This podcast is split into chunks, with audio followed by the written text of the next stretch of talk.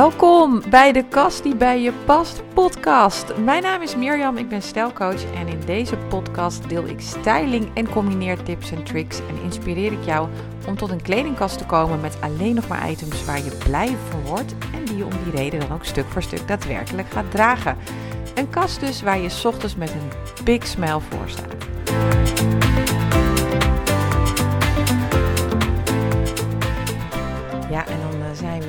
Gestart met de allereerste aflevering van een Kast die bij je past podcast. En ik uh, ben allereerst gewoon heel erg blij dat je luistert. Superleuk. Ik hoop echt dat alle afleveringen je gaat inspireren om ja, wat bewuster naar je kledingkast te gaan kijken. Maar vooral ook met als eindresultaat blijer ochtends voor die kast te staan.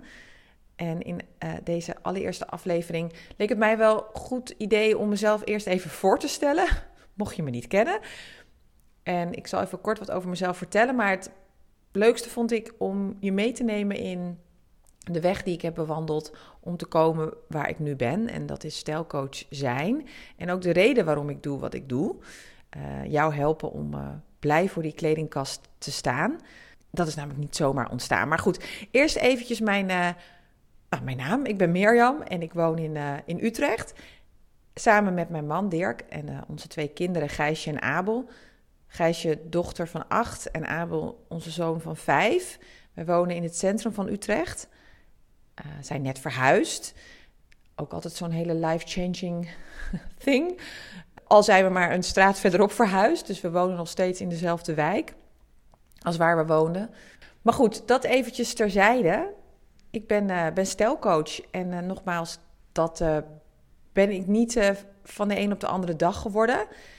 Acht jaar geleden zag mijn leven er heel anders uit. Dus ik begin heel even bij het begin. Acht jaar geleden en daarvoor ook kocht ik pas en te onpas kleding. Ik denk, als ik erop terugkijk, dat ik echt wel wekelijks in de winkelstraten van Utrecht te vinden was. Ik kocht uh, kwalitatieve items, heel eerlijk, maar ook heel veel fast fashion. En dan kan je je afvragen, oh Mirjam, was dat toen omdat jij ook in de fashion werkte, dat je heel veel met kleding bezig was? Uh, nee, toen de tijd zag mijn loopbaan er echt heel anders uit. Ik uh, werkte namelijk in de sales. Nadat ik eerst marketing had gedaan bij een fast moving consumer goods. En misschien wel herkenbaar hoe ik daar ben gekomen. Gewoon vanuit mijn opleiding. Want zo ging dat. Ik uh, had uh, communicatie gestudeerd en dacht, ja, vanuit daar ga ik de marketing in. En dat heb ik gedaan. En vanuit de marketing heb ik heel bewust de stap gezet naar sales. Omdat ik dacht, ja, dat is wat ik wil leren. Ik wil gaan onderhandelen. Grote onderhandelingen kunnen doen. Het spel leren spelen. En zo gezegd, zo gedaan. Ik belandde op een uh, best goede salesfunctie. En ik eindigde mijn, uh, mijn laatste baan in salesgesprekken. En gek genoeg zat ik totaal niet op mijn plek bleek. Want ja, ik... Uh, kan me nog herinneren dat ik dan naar salesgesprekken moest gaan. En dan, ik, ik noemde het altijd soms de beetje de Muppet Show. Ik weet niet of je de Muppet Show nog kent of überhaupt kent. Dan had je altijd twee van die, van die oude mannen op dat balkon. Die liepen altijd een beetje zo brommend vanaf boven naar beneden te, ja, te schreeuwen. Nou, ik zei altijd, dat waren altijd een beetje mijn salesgesprekken. Niet allemaal natuurlijk, maar een aantal waar ik met buikpijn heen ging, dat was echt een soort van de Muppet Show. Ik had altijd mannen met pak tegenover me en die gingen dan het ja, welbekende onderhandelingsspel spelen. Nou, ik wist ondertussen wel wat het spel inhield en dat het ook een spel was. Alleen ja, ik, ik kon het gewoon niet.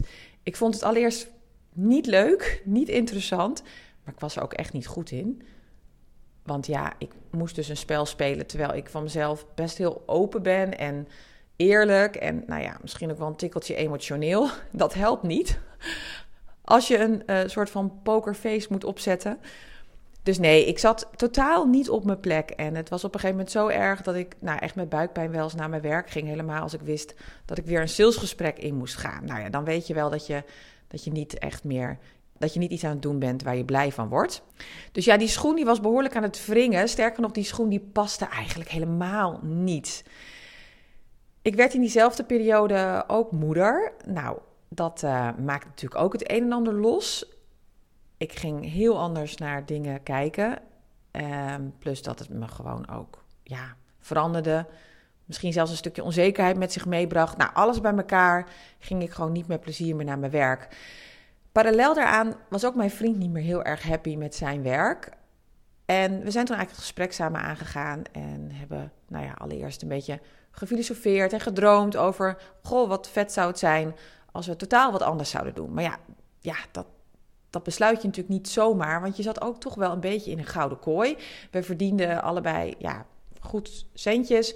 Het was allemaal heel goed geregeld. Ik had bijvoorbeeld een leaseauto en uh, een uh, telefoon van de zaak. Ja, en geef je dat allemaal op voor iets waarvan je niet weet wat je ervoor terug gaat krijgen. Maar we wisten wel één ding. We wilden uit die ratrace. Uiteindelijk hebben we ons besluit genomen. Alleen het ging niet over één nacht ijs, kan ik je zeggen. Het heeft ons denk ik een half jaar uh, ja, geduurd voordat we uiteindelijk ook daadwerkelijk het lef hadden om te zeggen: oké, we zeggen beide onze baan op.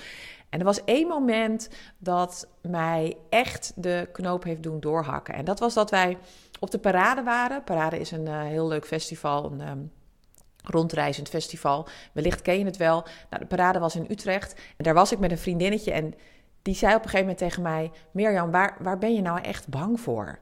Want zie je die goot daar? Nou, dus nou ja, die goot, die, die, zag ik. Ja, die was er niet echt natuurlijk, maar ik snapte wat ze, wat ze bedoelde. Ik zei ja, die zie ik. Ja, daar beland je niet zomaar in. En toen dacht ik, oh ja, dat klopt. Wat is nou het allerergste wat er kan gebeuren? En is die zo reëel? Want die goot, dat klopt, daar beland je niet zomaar in. Ik kan altijd wel werk vinden. En en, en, en er is altijd misschien ook wel een vangnet waar je heel even tijdelijk op kan terugvallen. Dus ik dacht, ja, waar ben ik nou eigenlijk bang voor? Nou, en dat stukje, die vraag, en daar ben ik er nog steeds heel erg dankbaar voor, heeft mij toen echt doen besluiten en samen met Dirk om onze baan op te zeggen. Dus zo gezegd, zo gedaan. We zijn een jaar lang uit de ratrace gestapt. Eerste half jaar zijn we nou, toen met onze dochter van nog geen één zijn we op reis gegaan. Uh, misschien iets wat ik tegenwoordig niet meer zo snel zou doen, want we zijn naar Azië en Nieuw-Zeeland gevlogen. Fantastisch. Het heeft ons ook echt geholpen om heel even uit eigen wereldje te stappen, eventjes te ontkoppelen, waardoor je echt ruimte kreeg of krijgt in je hoofd om goed na te denken van wat wil ik nou. Alleen ja, ik durf het bijna niet te zeggen in deze podcast, maar we hebben 16 keer gevlogen toen de tijd. ja, 16 keer.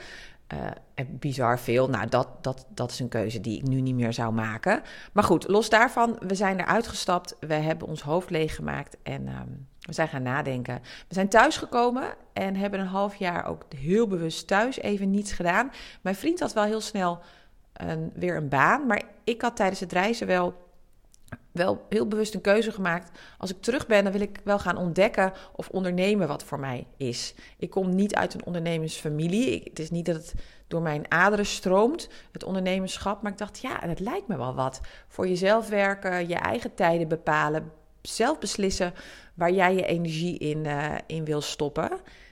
En ja, dat uh, wilde ik wel gaan ontdekken. Maar toen kwam er een nieuwe vraag. Want ja, wat ga je dan doen? Ja, die had ik niet zo 1, 2, 3 op mijn netvlies. Ik ben toen heel veel webinars gaan volgen, weet ik nog. Veel online, van die gratis webinars. Ik heb ook een aantal betaalde dingen gedaan. En één keer belandde ik bij een, uh, een lecture. Gewoon fysiek, gewoon in een zaal zat ik. Ik weet even niet meer bij wie. Maar de persoon die de lecture gaf, die, die zei op een gegeven moment richting het publiek... Want het ging namelijk over, goh, erachter komen wat je nou wil, waar je goed in bent, waar je in wil gaan werken. En die vroeg van je, waar, waar bellen mensen jou voor?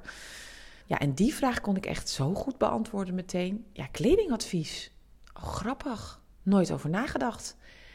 Ik uh, had vaak wel vriendinnen die me belden als ze bijvoorbeeld een bruiloft hadden en er even niet uitkwamen wat ze aan moesten doen. Ik had serieus al wel eens collega's geholpen, zelfs kastsessies wel eens gedaan. Uh, buurvrouwen had ik geholpen. Dus blijkbaar was ik daar goed in. En, niet te vergeten, tijdens mijn eh, loopbaan in de sales en marketing had ik in mijn vrije tijd, puur omdat ik dat leuk vond, ook een uh, versnelde opleiding bij Artemis gedaan op het gebied van styling. Dus ja, eigenlijk vielen alle puzzelstukjes door die ene vraag gewoon allemaal in elkaar. En dacht ik, ja, waarom ga ik daar niet mee aan de slag? Nou, ik ben toen um, ook eventjes uh, bij Datex, Datex heette dat toen, een opleiding gaan doen over materialen. Want ik vond het wel fijn om iets inhoudelijk wat meer te weten over, over stoffen en materialen. Hè, als ik met kleding aan de gang ging. Maar vervolgens ben ik gewoon het diepe ingedoken. Ik ben gewoon aan de slag gegaan. Ik ben gewoon vlieguren gaan maken en dames gaan helpen op het gebied van kleding. En dat ging zo ontzettend goed. En de reacties waren zo enthousiast, zo lovend, dat ik dacht, ja, hier moet ik verder mee. Er was alleen wel één ding wat mij een beetje, ja, hoe zou ik het zeggen, tegen de borst stoten. En dat was dat ik ook na mijn lange reis thuis en, en naar mijn kledingkast keek en, en, dacht: Jeetje, wat een kleding heb ik toch? En wat draag ik weinig? En er was voor mij dus wel één ding duidelijk: ik wilde wel kledingadvies geven, maar wel ook graag met een hele bewuste visie erachter. Dat we niet per se altijd maar meer hoeven te kopen om daadwerkelijk blij voor die kledingkast te staan. En het is dus echt geboren vanuit mijn eigen persoonlijke ervaring. Want nogmaals, ik was echt wel een fashion verslaafde. En toen ik terugkwam van onze reis, ja, was dat mijn persoonlijke bewustwording van wow, wat hebben we veel kleren. En wat draag ik nou uiteindelijk daarvan? Ik ben toen ook me, en dat doe ik nog steeds, me best wel gaan oriënteren op het gebied van duurzame fashion. Ik heb daarin ook best wel heel veel interessante uh, lezingen gevolgd. En er zijn uh, ook heel wat onderzoeken geweest. Misschien ook leuk om te weten. De, de Nederlandse vrouw die heeft gemiddeld 175 items in haar kledingkast liggen. En daarvan draagt ze nog geen 30% Nou, ik was zo iemand. Ik wist ondertussen ook dat de kledingindustrie de op twee na vervuilste industrie was na olie. En dat daarin natuurlijk wat moest veranderen. En natuurlijk, de kledingindustrie is daar een essentieel onderdeel in. Alleen we weten ook allemaal dat dat vaak heel lang duurt.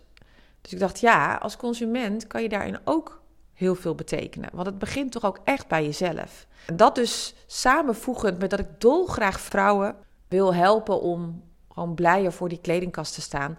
Ja, daaruit is dus mijn bedrijf Smart Wardrobe ontstaan. Smart Wardrobe, ja, dat zegt het al, een slimmere kledingkast. Slim voor jezelf, want je bent blijer en zelfverzekerder met datgene wat erin ligt. Maar ook slim voor onze aardbol, want je draagt, verkoopt alleen nog maar kleren die je ook daadwerkelijk draagt en dus niet stof liggen te happen. Het is ook nog eens slim voor je portemonnee, want miskopen die zijn verleden tijd. Wat nog wel leuk is om te weten, dat ik natuurlijk um, die bewustwording ineens had over het minder willen kopen. Alleen, dat klinkt natuurlijk heel makkelijk. Ja, hoe doe je dat dan? En ik ga daar ook nog wel eens een aparte podcast over wijden. Maar ik ben gewoon gestopt met het binnentreden van fast fashion ketens. Je zal mij niet meer een Zara of een H&M zien binnengaan.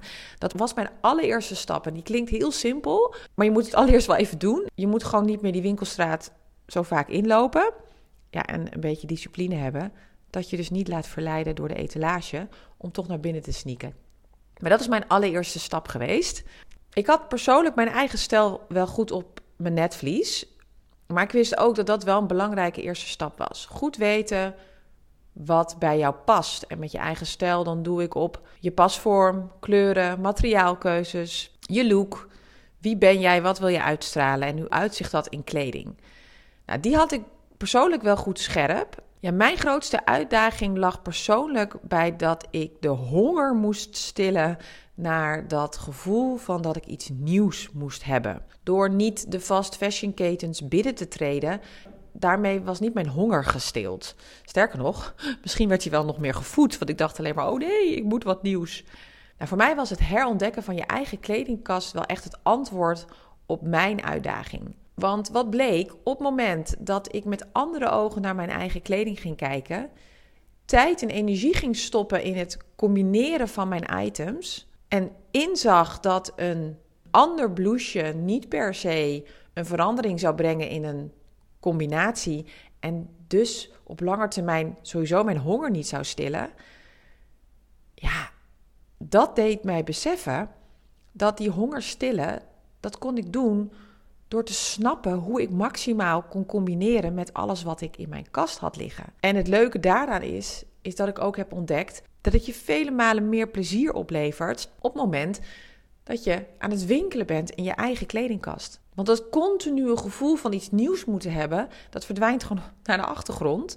En toch heb je elke keer het idee: hey, ik heb wat anders aan. Dat alles maakte dus uiteindelijk dat ik tot mijn specifieke diensten kwam die ik aanbied. En dat is allereerst het ontdekken van je eigen stijl. Want nogmaals, dat is voor mij wel stap 1 om te komen tot een kast die bij je past. Maar daarnaast ook het leren combineren. Dus gaan snappen hoe je items zo combineert dat het voor jou werkt. En waardoor je een bepaald blouseje op verschillende manieren kan dragen. Waardoor ja, je iets minder de noodzaak voelt om een nieuw blouseje te kopen. Ja, en nu ben ik uh, vijf jaar verder. Ik zeg vijf jaar omdat acht jaar geleden we besloten hadden om onze baan op te zeggen. We zijn een jaar ertussen uitgegaan. Het eerste jaar ja, was voor mij nog heel erg zoeken naar, naar allemaal dingen die je in je bedrijf dan doet. Site ontwikkelen, uh, je logo ontwerpen, nou ja, je naam bedenken. Ik heb vervolgens ook nog een tweede, of we hebben ook nog een tweede kindje mogen krijgen. En ja, een eigen ondernemerschap opzetten in combinatie met een baby, dat ging ook niet heel erg lekker. Dus nou, je kan wel zeggen dat ik pas nou, vijf, vier jaar geleden echt ben gaan bouwen aan mijn eigen bedrijf. En ja, en nu ben ik um, wat jaartjes verder. Ik denk wel zo'n uh, meer dan 200 dames mogen helpen één op één. Maar ook meer dan 2000 dames mogen helpen online. Want ik heb ook online programma's. Omdat ik er gewoon heilig van overtuigd ben dat niet voor iedereen een één op één geschikt is. Niet voor iedereen een online programma geschikt is. Maar dat ik zoveel mogelijk dames wil helpen. En ik dus voor ieder wat heb om mee aan de slag te gaan. Dus ik heb online programma's waarin ik je ook meeneem in al dan niet het ontdekken van je eigen stijl, al dan niet het leren combineren, het ontdekken van je eigen kledingkast. Maar daar vertel ik later vast wel wat meer over in een andere aflevering. Ik wil het uh, hier nu bij laten. Ik uh, hoop dat je het leuk vond om de achtergrond achter mijn bedrijf en de reden waarom ik doe wat ik doe te horen. Er staan al twee andere afleveringen live die je meteen kan doorluisteren over leuke onderwerpen wat betreft styling en waar je heel veel tips uit gaat halen om direct mee aan de slag te gaan. Luister die zeker meteen eventjes. Dankjewel voor het luisteren. Ik vond het ontzettend leuk dat je er was en ik hoop je de volgende keer ook weer te mogen treffen. Wil je geen enkele aflevering missen? Abonneer je dan op mijn podcast door op de subscribe-button te drukken in je eigen favoriete podcast-app. En mocht je nou denken, ik ken wel iemand die wel wat hulp kan gebruiken bij het getreuzel en geneuzel voor die kast, delen mag altijd. Bijvoorbeeld door een screenshot te plaatsen op je Instagram stories of als je in de Spotify app zit te luisteren, dan kan je ook delen door simpel op de puntjes te klikken en op delen te drukken. Nou, ben je nou zelf helemaal geïnspireerd en heb je zin om aan de slag te gaan? Download dan zeker mijn gratis e-book Combineren kun je leren via de homepage van mijn website www.smartwardrobe.nl. En denk je nou, oeh, ik kan wel wat inspiratie via beeld gebruiken? Dan raad ik je aan mijn Instagram-account Mirjam Stijlcoaching te volgen. Want ik deel daarin ook veel tips in reelvorm. Nou, en mocht je nou een dringende vraag voor me hebben die je wel beantwoord ziet op het gebied van styling, combineren, stel hem gerust. Makkelijkst is dat te doen via een DM op mijn Instagram-account. En dan probeer ik op terug te komen tijdens een van de afleveringen. Nogmaals, dankjewel voor het luisteren en tot de volgende keer.